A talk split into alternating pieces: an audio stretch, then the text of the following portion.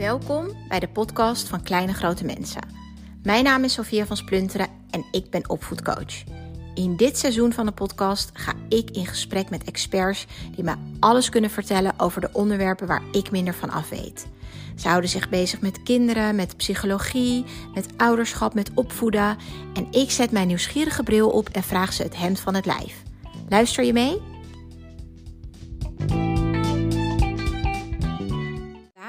Heb ik de gast Eliette Kreek. Eliette Kreek is specialistisch coach voor ouder en kind en tevens mijn buurvrouw. Ze heeft een holistische kijk, dus ze kijkt naar de lichaam en geest. En een van haar specialisaties is hoogsensitiviteit bij ouders en bij kinderen. Ze heeft twee cursussen gelanceerd, waaronder hoogsensitief ouderschap en onlangs het overprikkelde kind. En daarom ga ik met haar in gesprek over overprikkeling bij onze kinderen en hoe we met al die prikkels kunnen omgaan. Luister je mee? Ja, goedemorgen. Goedemorgen Eliette, fijn dat je erbij bent. Ja, hartstikke leuk. We zitten een paar honderd, nou niet eens honderd meter van elkaar af en uh, we doen dit lekker op afstand. Ja, top hè? Maar fijn hè? Ja.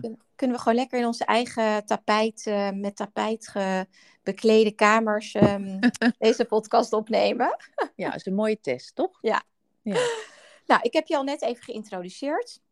Leuk. Um, ja, dat jij coach bent voor ouder en kind, specialistisch en ook uh, veel um, kennis en ervaring hebt met de gevoeligheid bij ouders en bij kinderen. Klopt. En we gaan het vandaag hebben echt over overprikkeldheid en kinderen. En hoe zit het nou allemaal? En hoe kunnen we met de prikkels omgaan? Mij Helemaal valt het, leuk. Ja, het is een superleuk onderwerp. We hebben het er vaak zelf ook over. Um, nou, om te beginnen is het misschien leuk om te weten, want ik hoor heel vaak van mensen zeggen van, mijn kind is helemaal overprikkeld. Ik weet niet wat ik ermee aan moet. Overprikkeling tot en met. Um, maar hoe herken je eigenlijk een overprikkeld kind? Ja, nou, sowieso is het goed om te weten dat in principe natuurlijk ieder mens overprikkeld kan raken. Het gaat erover dat je een hoeveelheid informatie, zintuigelijke informatie tot je krijgt, geluid, beeld, geuren, van alles, die je moet verwerken. Nou, jonge kinderen staan sowieso nog meer open dan uh, wij volwassenen, zeg maar. Dus er kan gewoon veel binnenkomen. En op het moment dat je ja, te veel binnenkrijgt wat je niet kan verwerken, dan spreek je over overprikkeld zijn. Um, kijk, en bij sensitieve kinderen, die dus eigenlijk, uh, ik zeg altijd, langere en fijnere voelsprieten uh, hebben die we niet zien. Maar daar komt de informatie dus sterker, harder uh, en meer informatie komt er binnen. Nou, wat, wat, zie ik standaard eigenlijk bij kinderen die overprikkeld zijn? Um, sowieso zijn ze geneigd om een beetje naar overlevingsgedrag te gaan. Dus niet hun natuurlijke staat van zijn, maar of ze worden heel druk en grensoverschrijdend. Dat ze gewoon ook niet zo goed meer voelen wat past. Uh, of ze kunnen zich heel erg terugtrekken. Of je kind checkt eigenlijk helemaal uit. En wat je meestal ziet, uh, bijvoorbeeld een kind wat uit school komt, wat overprikkeld is. Um, die kan thuis bijvoorbeeld uh, heel snel boos worden of een, een drama maken. Uh, ja, heftig gedrag laten zien. Ik hoor ook wel eens van ouders die zeggen: ja, de docent op school die zegt: Oh, het is zo'n heerlijk kind in de klas en ja. doet, doet hartstikke goed mee.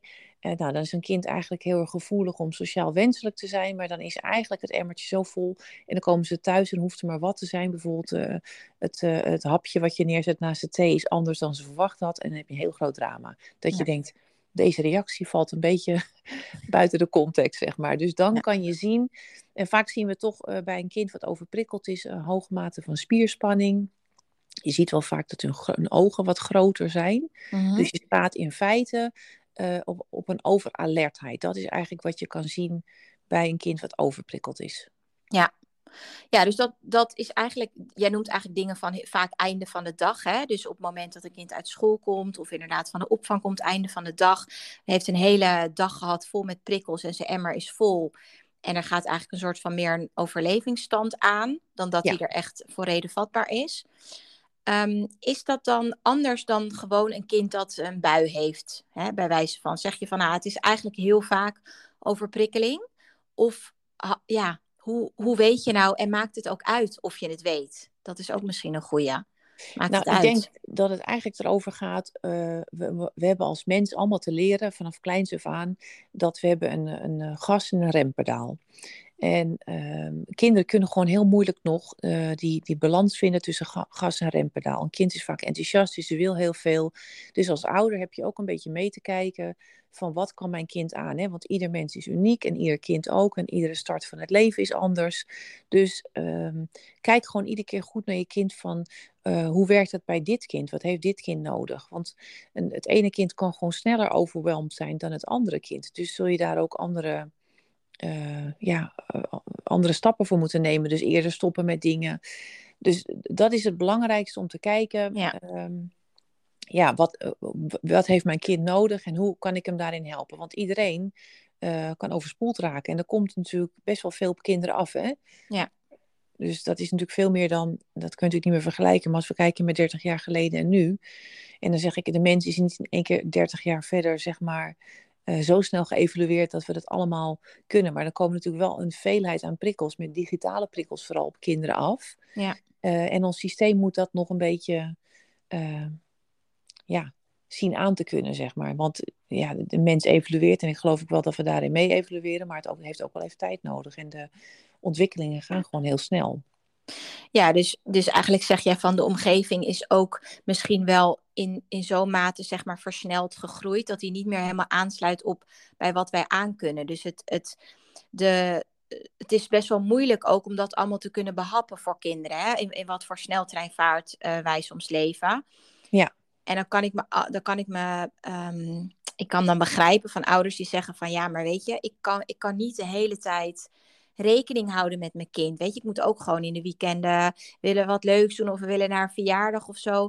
In hoeverre kan je, ehm, ja, kan je, je de omgeving eigenlijk aanpassen? En is dat nodig? Of moet je kind gewoon leren van, hé, hey, nou ja, dit is gewoon hoe de wereld eruit ziet.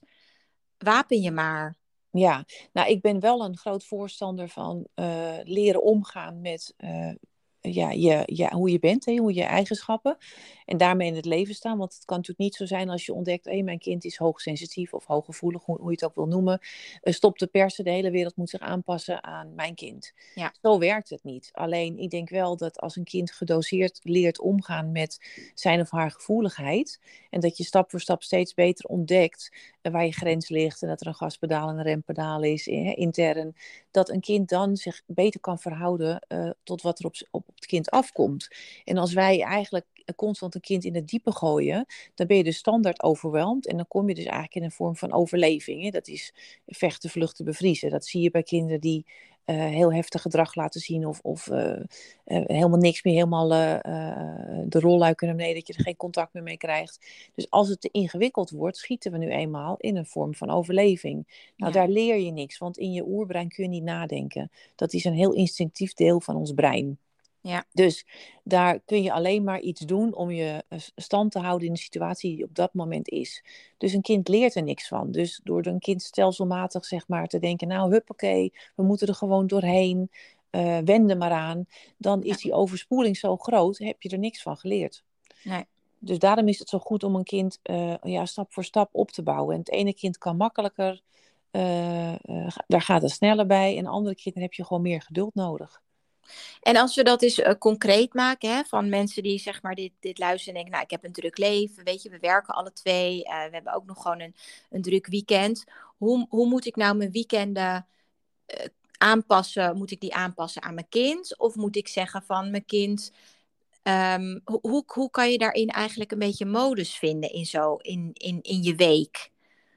Nou, ik, ik denk sowieso dat kinderen, ik noem het altijd kleine goeroes, ja. Uh, ze, ze, komen ons iets leren. Wij hebben natuurlijk best wel een hoog leeftempo. En heel veel ouders tegenwoordig, die werken ook allebei uh, best wel veel, omdat natuurlijk een hypotheek moet betaald worden. En het leven is snel. En we hebben altijd het mobieltje waar we op ieder moment van de dag een mailtje kunnen beantwoorden. Dus hoe vaak ben je helemaal echt aanwezig bij je kind? Vaak zie je dat er toch allerlei dingen tussendoor komen. Dus het vraagt van ons, een kind vraagt eigenlijk vaak aanwezigheid. En dat hoeft niet 100%. Maar ben jij vaak genoeg aanwezig bij je kind?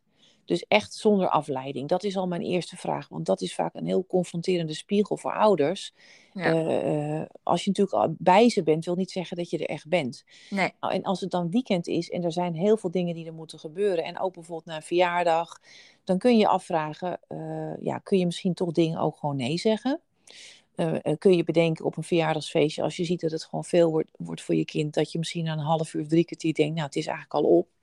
Nou, dan zeg je gewoon hartstikke goed, weet je, de grens voelen we, we, gaan, we zeggen gedag, we zijn geweest en dan volgende keer merk je dat het misschien wat langer kan, weet je. Dus ja. leer ook gewoon te accepteren dat het soms gewoon niet lukt. En dat hoor ik ook wel eens ouders, die vinden het dan vervelend als hun kind zich niet gedraagt zoals ze gehoopt hadden op een feestje. Ja, ja het geeft niet. Weet je, accepteer gewoon ehm, dat het een soort groeiproces is. Ja. ja, want we hadden het er ook over uh, laatst dat je zei van ja, heel vaak dan, dan, dan, of heel vaak ouders zie je dan borrelen, weet je wel, die hebben dan zoiets van nou, het is lekker onze tijd, wij kunnen lekker met de ouders borrelen en ons kind moet gewoon uh, daarbij uh, spelen en zijn ding kunnen doen, want wij, weet je, hebben nu eenmaal een borrel. Ja. Maar jij zei ook eigenlijk van ja, maar eigenlijk vragen we veel te veel en veel te lang van onze kinderen. Uh, kan je dat nog eens zeggen hoe je dat vertelde? nou ja, ik vind altijd heel leuk. Als mens bewegen we naar voren en de toekomst is altijd vernieuwend. En soms vind ik oude dingen, zeg maar, die mag je best nog erbij pakken. Want sommige dingen uit het verleden waren best goed. En ik denk dat uh, waar het leeftempo wat rustiger was. En dat kinderen, dat je bijvoorbeeld als je met kinderen uit eten ging, dat je besefte dat het na drie kwartier vaak of een uur, dat dat gewoon de max was. Dus ja. ik denk ook wel, omdat onze levens veranderd zijn en dat we nu, oh, er wordt vaker uit eten gaan. Vroeger bestonden, ik weet nog in de tijd dat onze kinderen klein waren, kreeg je restaurants waar je je kinderen mee kon nemen, waar ook een speelhoek was, weet je wel. Dus ja. dat is natuurlijk, het is sowieso heel erg veranderd door de jaren heen. Maar ja. het, de vraag is natuurlijk wel, uh, kan ik het ook rustig opbouwen? Want soms zijn we toch te veel gericht op wat wij dan ook heel erg leuk vinden. Maar is het ook echt heel erg handig voor het kind? Ja. Dus eh, probeer het dan ook op te bouwen. En bedenk ook van nou, dan hou ik het kort. Dan hou ik het korter. En hoe vaker je dat doet, zal je merken dat je kind daaraan wendt. Dus ja, in mijn optiek is dan eh, met hele kleine kinderen, weet je gewoon op een gegeven moment dat er een bepaalde, als je kinderen van drie of vier hebt, dat drie kwartier aan een uur uh, borrelen ergens, dan, dan begint het op te raken. Dan worden ze vervelend. Heel vaak. Ja. Ja, of je komt thuis en dan komt, komt alles eruit en dan denk je van, oh ja, shit, ik ben eigenlijk te, het is te, lang, ben te lang gebleven en dan lijkt het allemaal nog goed, want je kind is dan heel vrolijk aan het spelen, terwijl op het moment dat je zegt stop, dan komt alles eruit. Ja. Um, maar inderdaad, het vraagt gewoon van ons dat wij, uh, en dat is natuurlijk niet altijd leuk om te horen als ouder, want je denkt ook, ik, ik wil mijn eigen leven hebben en ik wil ook een keertje, weet je wel, lekker gewoon de boel de boel kunnen laten, maar het punt is dat op het moment dat je kind dus thuis komt en die, die gooit alles eruit, weet je, dat, dat herken ik ook. Dan denk je, shit, had ik maar korter gebleven. En dan kan je denken, oké, ik deel nu met die bui. En dan beginnen we morgen weer gewoon fris en fruitig. Maar zo, zo werkt het ook niet, hè? Want een kind, die absorbeert die prikkels. En op het moment dat, dat, dat die heel erg elke keer tegen die overprikkeling aan zit, hoe kan een kind eigenlijk daar ook weer van herstellen?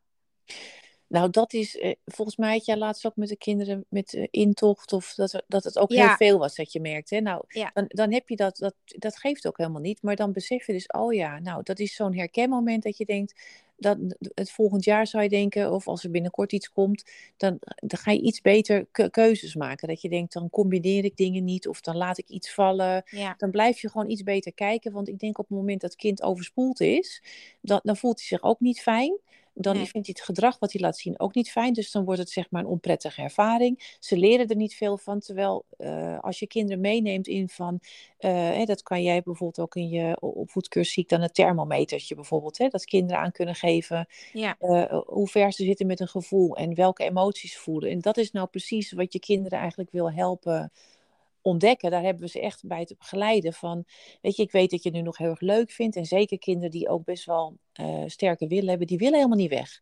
Maar je weet eigenlijk al dat je daarna zeg maar dat het bingo is. Want dan, is, dan zijn ze gewoon ver over hun grens gegaan. Dus dan is het iedere keer weer uitleggen van, nou, we gaan zorgen dat het gewoon gezellig blijft. En daarna ook. Dus dan leer je een kind ook van, uh, ja, die rempedaal te bakken. En naar zichzelf uh, te luisteren, bedoel je ook? Ja, van, dus hey, dat, je, dat, ja. je zegt, dat je ook heel duidelijk zegt van uh, wat super, het is hartstikke goed gegaan. Zie je ook goed dat we op tijd weg zijn gegaan, want nu, nu is het nog gezellig. Ja. Want ik denk dat iedereen wel herkent dat je een keer in de auto zit en dat je denkt, wat een K-verjaardag. Die kinderen waren vervelend. Uh, in de auto zit er eentje te huilen en dan zit je in de auto en denk je, nou, mislukt, weet je wel, happy family. Dus dat zijn van die momenten, dat is prima. Maar dan bedenk, ja, bedenk dan van, weet je nog, dat was zo jammer. Dan voelen we ons allemaal rot. Dus we gaan ervoor zorgen dat we dat het leuk blijft. Ja. Dus dan mag een kind ook gewoon samen met jou ontdekken dat er een grens is. Ja, precies. Want uiteindelijk is dat ook, denk ik, wat je, wat je jouw kind dan leert en voorleeft op het moment dat jij soort van die grenzen ook bewaakt of probeert te bewaken. Waar het ook nog wel eens kan zijn dat je denkt, ja, inderdaad, ik heb het te lang laten gaan of zo. Maar dat je je kind daarmee ook leert om um, eigenlijk naar zichzelf te kunnen luisteren. Omdat jij dat in eerste instantie doet en aanvoelt. En een kind die gaat gewoon. Maar op het moment dat jij je kind daarin kan begrenzen. Van ik wil wel spelen, ik wil gewoon spelen. Maar dat jij zegt van nee, dit gaan we niet doen. Want jij ziet dat, dan lijkt het ook alsof je je kind een beetje, ja, maar hij wil, hij is niet uitgeput. maar dat is ook een beetje de misconceptie, is van een overprikkeld kind ziet er niet altijd moe uit. Hè? Nou, ik denk wel. Nee, dat is. En ik bijvoorbeeld als je kijkt bij uh, jullie jongste, die, die is ook wel een prikkelzoeker, hè? Ja. Uh, dus uh, die, die heeft ook behoefte om zeg maar lekker op die gaspedaal te gaan. Dus ja. uh, uh, hij wil ook niet altijd stoppen. Dus uh, sommige kinderen zijn zeg maar de, de, de rustzoeker, zeg maar. Die, die raken gewoon overweldigd. En dat zijn de kinderen die op school nog de harmoniebewakers zijn. Ik zie daar misschien meer jullie dochter in. Dan thuiskomen als het allemaal te veel was. Dan worden ze bijvoorbeeld verdrietig of, of kattig. Of, en, en dan kan je een drama queen modus krijgen. Maar de kinderen die heel graag willen, die willen ook niet toegeven aan, aan die uh, uh, rust. Dus die willen eigenlijk door. Ja. Dus die, die, en, en dan is het ook vaak fijn om te zeggen van ik zie dat je het heel graag wil. En dat snap ik helemaal. En toch gaan we nu kiezen om eventjes uh, even pauze te nemen. Kunnen we straks weer verder? En als je dan, als het uh, merken ook dat het zo goed doet, dan kan je zeggen: zie je nou, voel je, hoe voelt je lichaam nu? Ja, lekkerder. Zie je? Nou, dan leren ze dus zeg maar van, oh ja, dan leren ze herkennen dat het heel goed is om, om je, je gas- en je rempedaal te gebruiken. Ja. daar heb je ze als, ja, als volwassene echt in te begeleiden. En wat als je dat zelf nou niet, niet, niet zelf ook heel moeilijk vindt? Hè? Dat je zelf ook moeilijk je grenzen kan bewaken. En dat gas- rempedaal, dan, dat zien we ook wel eens. Dat we, dat we zeggen, ja, dan heb je eigenlijk een ouder die dat zelf, die daar zelf elke keer tegenaan loopt. Van dat, uh, je zei zo mooi van zo dat plof. Ja, kijk, dat is precies ook de reden waarom ik zeg maar, ik heb dan het eh, overprikkelde kind, hè, de cursus, maar ook hoogsensitief ouderschap. Want dit is natuurlijk een, je, je, eh, je krijgt een kind, nou voilà, dat is de, de grootste uh, goeroe die je kan hebben in je leven. Want die gaat alles spiegelen uh, wat jij nog aan mag kijken. Dus als jij uh, geneigd bent om heel snel over grenzen te gaan of door te gaan, of je kan heel moeilijk nee zeggen, nou, dan, dan heb je een kind die daar maximaal uh, mee aan de haal gaat. Ja. Dus het is ook natuurlijk, je, ik zeg ook altijd, ja, opgroeien doe je samen. Je, je, je kind groeit op, maar jij parallel daaraan heb jij ook een persoonlijk ontwikkelingstraject, loop je met je kind. Want je, je groeit enorm, omdat je iedere keer moet reflecteren op jezelf. En uh, ook weer in de spiegel te kijken hebt van wat voor keuzes maak ik. Ja. En het kan zijn dat jij een kind hebt die veel meer rust nodig hebt dan jouw leeftempo eigenlijk toelaat. Dat kan heel confronterend zijn. Ik heb die mensen ook wel in de praktijk. En dan is, ja, je kan niet altijd direct keuzes maken. Maar dan kun je gaan kijken van, nou, wat, wat leert mij dit?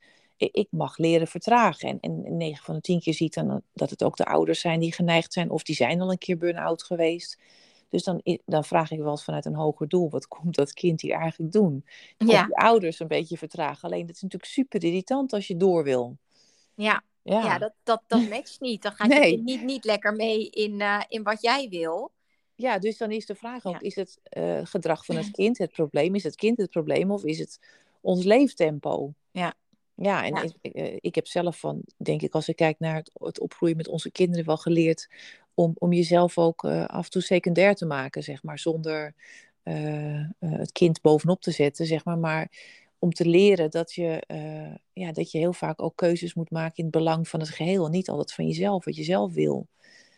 Ja, dat, ik denk dat dat heel erg klopt. En ik denk ook dat die die spagaat daar zit van aan de ene kant, weet je, want ik zeg ook altijd tegen ouders, want het is zo belangrijk dat je ook je eigen behoeftes in de gaten houdt, weet je wel. En dat je niet helemaal van, oh, mijn kind is inderdaad sensitief, dus ik moet alles daarom blokken en ik kan geen leuke dingen meer doen, want mijn kind, et cetera. Dus heel erg constant die balans eigenlijk vinden tussen uh, dingen doen die die jouw leven ook belangrijk maken en die voor jou waardevol zijn en belangrijk. En tegelijkertijd inderdaad rekening houden met je kind. En soms, nou, ik heb ook vaak genoeg gehad dat dat gewoon niet lukte. Dat ik dacht van, oh ja, dan dacht ik, oh, dat is leuk om naar een uh, show te gaan, weet je wel, met mijn kind. Vond ik leuk. Leek mij heel leuk om dat samen te ervaren. En dan, vooral mijn dochter dan, die, die is er, was daar gewoon heel erg door overweldigd. En denk ik van, oké, eh, nou dan moeten we weer naar huis, weet je wel. Dan baalde ik daar toch best wel van, want dat leek mij zo'n leuk idee om samen naar een theater te gaan of naar een show. En, en op een gegeven moment dan accepteren naar de derde of vierde keer, toen ze zo jongens van, nou, het, het is gewoon niet voor haar. Maar op een of andere manier is dat dan, was dat voor mij ook moeilijk om dan daar overheen te komen van, oké, dit ga ik dus niet doen. Dit wordt dus niet wat ik in mijn hoofd heb. Hoe we het... Ja, dan moet je dat plaatje los gaan laten. Dat is waar we al eerder over gesproken hebben in een andere podcast. Dat is natuurlijk ook projecties. Dat is hoe wij ja. Denken dat het moet zijn. Of hoe het kind, uh, ja, hoe we een plaatje in ons hoofd hebben. En de realiteit is natuurlijk vaak net even anders. Dat is sowieso natuurlijk het hele irritantste aan opvoeden. Ja. Uh, uh, je hebt er allemaal een beeld van en de realiteit is gewoon uh, net even anders. Dus ja. het is nooit saai. Nee, dat niet. En het, ik denk ook dat, het, dat, het, dat we soms om ons heen zien dat we denken, hé, hey, maar dat kind doet wel superveel, weet je wel. Of dat we, dat we gezinnen zien die van de ene naar de andere sociaal, sociale event gaan. En dat, dat je dan bij jezelf denkt van of ik had ook laatst een, een ouder, eh, een stel. En die zei ook van op vakantie bijvoorbeeld, hoe pittig het dan is om dan niet te kunnen ontspannen, omdat ze de hele tijd rekening aan het houden waren met hun kind, die enorm prikkelgevoelig is en heel sensitief, waardoor ze het gevoel hadden van, we zien andere gezinnen heel erg gelukkig en blij. Uh, oh, vanuit eten naar het strand, naar dit. En wij moeten echt heel goed letten op onze energie uh, managen van ons kind. En dat het ook voelt als een soort van groot gemis. Van dit is dus niet hoe het er bij ons uit gaat zien. Ja, Zo relaxed. Dat, ja, dat is, ik zeg dat is een stukje rouw, want dan is het anders dan dat je zou denken dat het is. En meestal als een kind zo uh, heftig prikkelgevoelig is, dan, dan uh, zit daar vaak ook meer achter. Dus dan is dat niet per se, zeg maar, aangeboren gevoeligheid, maar dan is het vaak wel overlevingsgevoeligheid. Dus en dan zeg ik altijd, dan, dan, is het voor, dan ben ik ook altijd nieuwsgierig. Uh, hoe is de start van ouders geweest? Hoe, hoe is het met, met hunzelf, zeg maar? Want dan is het vaak ook wel de, uh, de optelsom. Ja, want je, je, je hebt ook aan mij uitgelegd van dat het ook verschillend kan zijn. Hè? Hoe je zeg maar sensitief bent, als, als hoe je geboren bent, zeg maar. Of dat het een, een deel is van je genen, of dat het door je omstandigheden komt. Ja, je hebt, ik maak altijd een onderscheid in. Uh, uh, kijk, ik noem het gewoon wel allemaal hoogsensitief, want het, het, heeft te maken met gevoelig zijn en prikkelverwerking. Maar um, als jou, ik, het, het, mooiste, het makkelijkste voorbeeld om het uit te leggen is altijd voor mezelf. Toen ik in eh, de buik zat van mijn moeder, werd mijn vader ongeneeslijk ziek. Nou, mijn zusje was toen twee en uh, mijn moeder was zwanger van mij. Uh, dus mijn vader was hartstikke jong, 28. Dus die kwam in het ziekenhuis terecht. Uh, op een gegeven moment. En uh, ja, dan kan je natuurlijk wel voorstellen wat voor stressvolle periode dat voor mijn moeder geweest is. Ze had ook nog een eigen bedrijfje, een keukenzaak. Ja, toen ben ik geboren. Twee weken daarna is mijn vader overleden. Nou, dat is natuurlijk dat is, dat is, een hele heftige start geweest. Dus in de buik heb ik al die stress, uh, verdriet uh, meegevoeld. Dus dan is jouw systeem staat al heel erg op aan. Dus dat hele uh, middelste gedeelte van ons brein, dat leg ik allemaal in de cursus uit daar, dus de prikkelverwerkingscentrum, dat wordt hartstikke gestimuleerd. Dus daar is al een soort overlevingsalertheid ja. bij het kind. Nou, en dan vervolgens kom je in de wereld. Uh, en dan, uh, dan is je moeder natuurlijk hartstikke in de war aan het rouwen. En dan is ze innerlijk, kan ze natuurlijk nooit helemaal aanwezig zijn. Dus dan, dan grijp je in de leegte. Dus eigenlijk heb je dan een ander soort sensitiviteit dan uh, puur uh, aangeboren, dan is het een vorm van overleving. En, en dat kan ontstaan door ja, stress in de zwangerschap. Uh, of bijvoorbeeld ouders die al een kindje verloren hebben, dat je dan heel erg gespannen bent van, oh, gaat deze zwangerschap wel goed? Ja. of dit zijn complicaties, een hele heftige bevalling. natuurlijk ook wel van die slachtpartijen, noem ik het altijd dan. Dat, dat is natuurlijk een hele rottige start van het leven. En als je dan een huilbaby wordt en je ouders raken gestrest, dan kom je in een negatieve spiraal. Dus dan zie je eigenlijk dat er Ehm, ja, vanuit overlevingssensitiviteit is.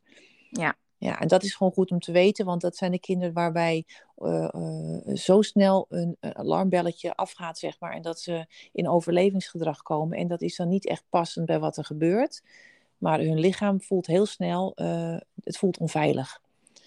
Ja, ja, ja. En, en, en wat mij dan meteen te binnen schiet van, is dat dan makkelijker of moeilijker mee om, om te gaan in die zin? Want ik merk dan bijvoorbeeld, mijn dochter is, is, is ook gevoelig, weet je, is ook echt sensitief. En um, naar mijn idee ook zo geboren, zeg maar, zoals ik ook ben uh, mm -hmm. geboren.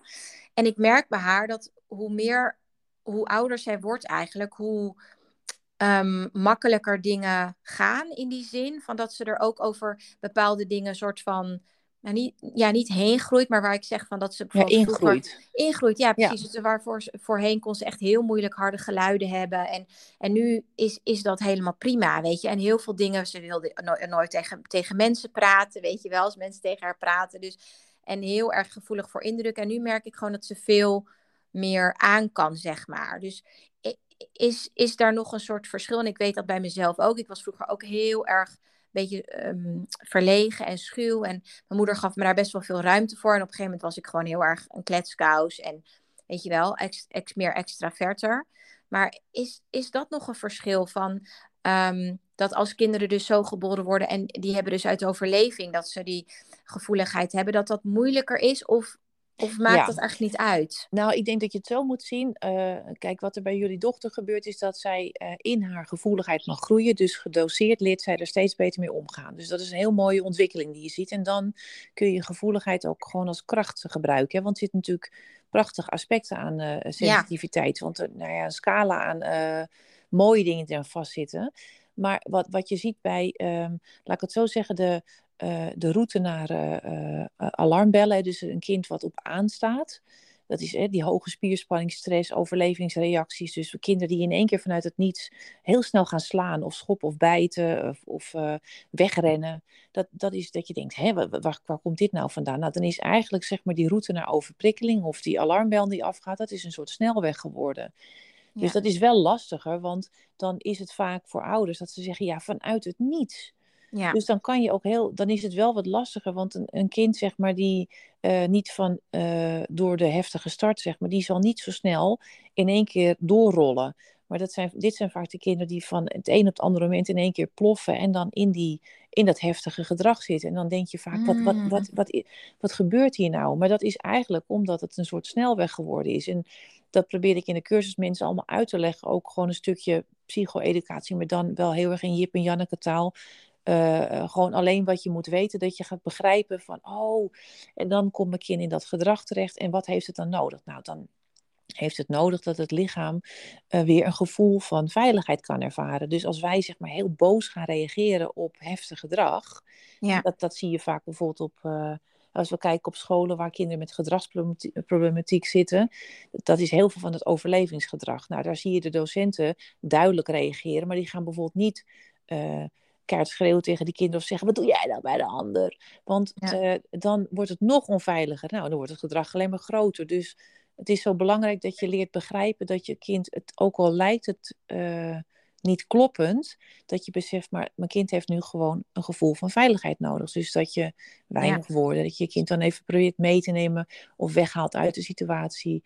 En dat je eerst wacht tot je weer contact kan krijgen. En dan kun je zeggen van, hé, hey, nou, dit ging even helemaal mis kom, we gaan even kijken uh, ja. hoe we opnieuw kunnen beginnen. En dat werkt veel beter. En, en dat is vaak uh, ja, heel goed om te beseffen. Want als je dan constant maar denkt, ja, dit heftige gedrag kunnen we niet accepteren. En dat pareren we met hele correcte en uh, disciplineachtige opvoedmethodes. Ja. Dan wordt dat dus alleen maar erger.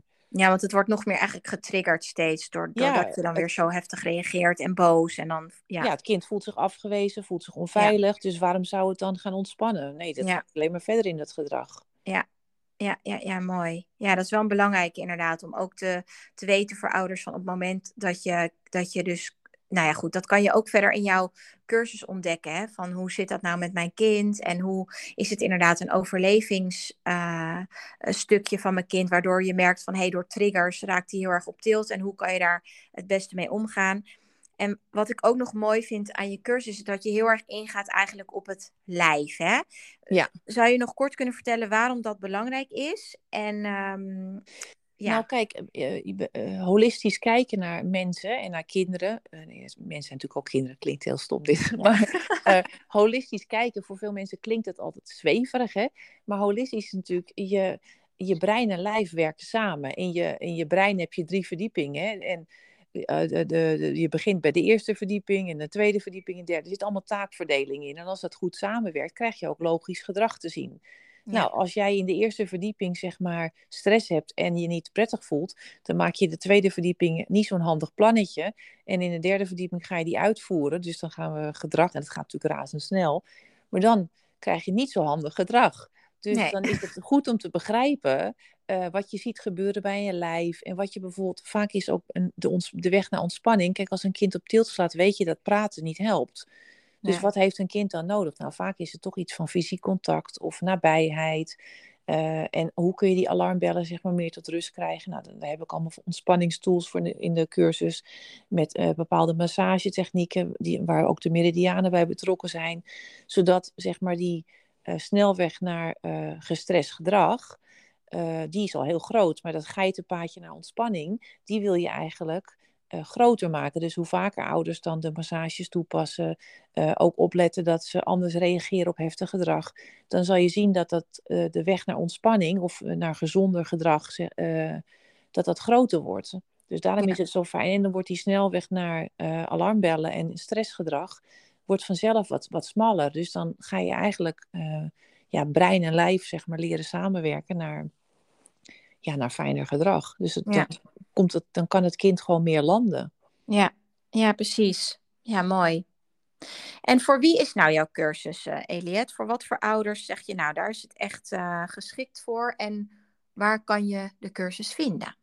Nou, op mijn website uh, Eliette Kreek, zeg maar, daar heb ik een, een online academy uh, afdeling en daar heb ik nu twee cursussen op staan. Dat is hoogsensitief ouderschap. Dat is dus heel erg, als je wel voelt, dat je gevoelig bent of dat je heel erg geraakt wordt door je kind, dan is het ook wel interessant om te gaan kijken van wat, hè, want als we, niet bij, als we iets willen veranderen, hebben we vaak eerst bij onszelf te beginnen. Van hoe reageren wij op ons kind? Waarom worden we zo geraakt? Dus uh, je, je eigen gebruiksaanwijzing beter begrijpen is, is wel heel erg handig. Dus dat is één cursus. En de andere cursus, het overprikkelde kind. Um, zit heel veel informatie in voor kinderen die wat vaker heftig gedrag laten zien. Maar ook al heb je een, een zacht sensitief kind, dan nog, uh, dan, dan snap je gewoon beter wat er nu eigenlijk gebeurt in brein en lijf. Uh, je, kunt ook wat, je, je kan wat beter nadenken over wat allemaal invloed heeft. Je, uh, dus waar is het voor? Ja, voor ouders met kinderen die merken dat ze met regelmaat toch wel overprikkeld zijn. En dan denk je, ja, hoe moet ik nu hier, waar moet ik nou op letten? Hoe kan ik hiermee ja. omgaan? En dan is het voornamelijk, uh, het zijn allemaal hele korte video's. Het zijn geen lappen tekst. Ik probeer elke keer heel kort en bondig ja. uh, de juiste informatie aan te reiken die ik over de afgelopen tien jaar zeg maar vergaard heb. Ik denk, ja, als je dat nou weet als ouder, dan ben je zoveel bewuster en dan kan je zoveel uh, slimmere keuzes maken, waardoor het voor jezelf en voor je kind veel makkelijker wordt. En het is vaak natuurlijk ook zo verdrietig.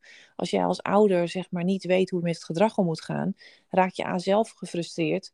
Maar je kind voelt zich ook niet verbonden met jou. En daar, zit, daar merk je gewoon bij ouders zit heel vaak verdriet. Want dan, dat is ook een stukje rouw. Dan denk je, ja, ik, ik wil me graag zo verbonden voelen met mijn kind. Maar af en toe denk ik, ja, ja wat een monster ben je. Of, of ik, ik weet helemaal niet hoe ik met je om moet gaan. Dus ja. op het moment dat daar meer rust in komt, dan merk je ook dat die connectie tussen ouder en kind veel sterker wordt. En ja, we weten allemaal dat als je uh, een stevige ouder-kindconnectie uh, een stevige basis is voor de rest van je leven. Dus ja. Um, ja, ik heb natuurlijk zelf ondervonden doordat mijn start met mijn moeder, en die was dan ook nog alleen, um, ja, zoveel hobbels heeft gekend dat je ook in je volwassen leven veel langer op zoek bent uh, om een soort basis te vinden en ook gezonde relaties aangaan. Dat is, het staat er allemaal mee in verbinding. Hoe kun je je hechten aan iemand? Ja. Ja, dat begint met de oude-kindrelatie al. Dus dat is een beetje mijn drijfveer om...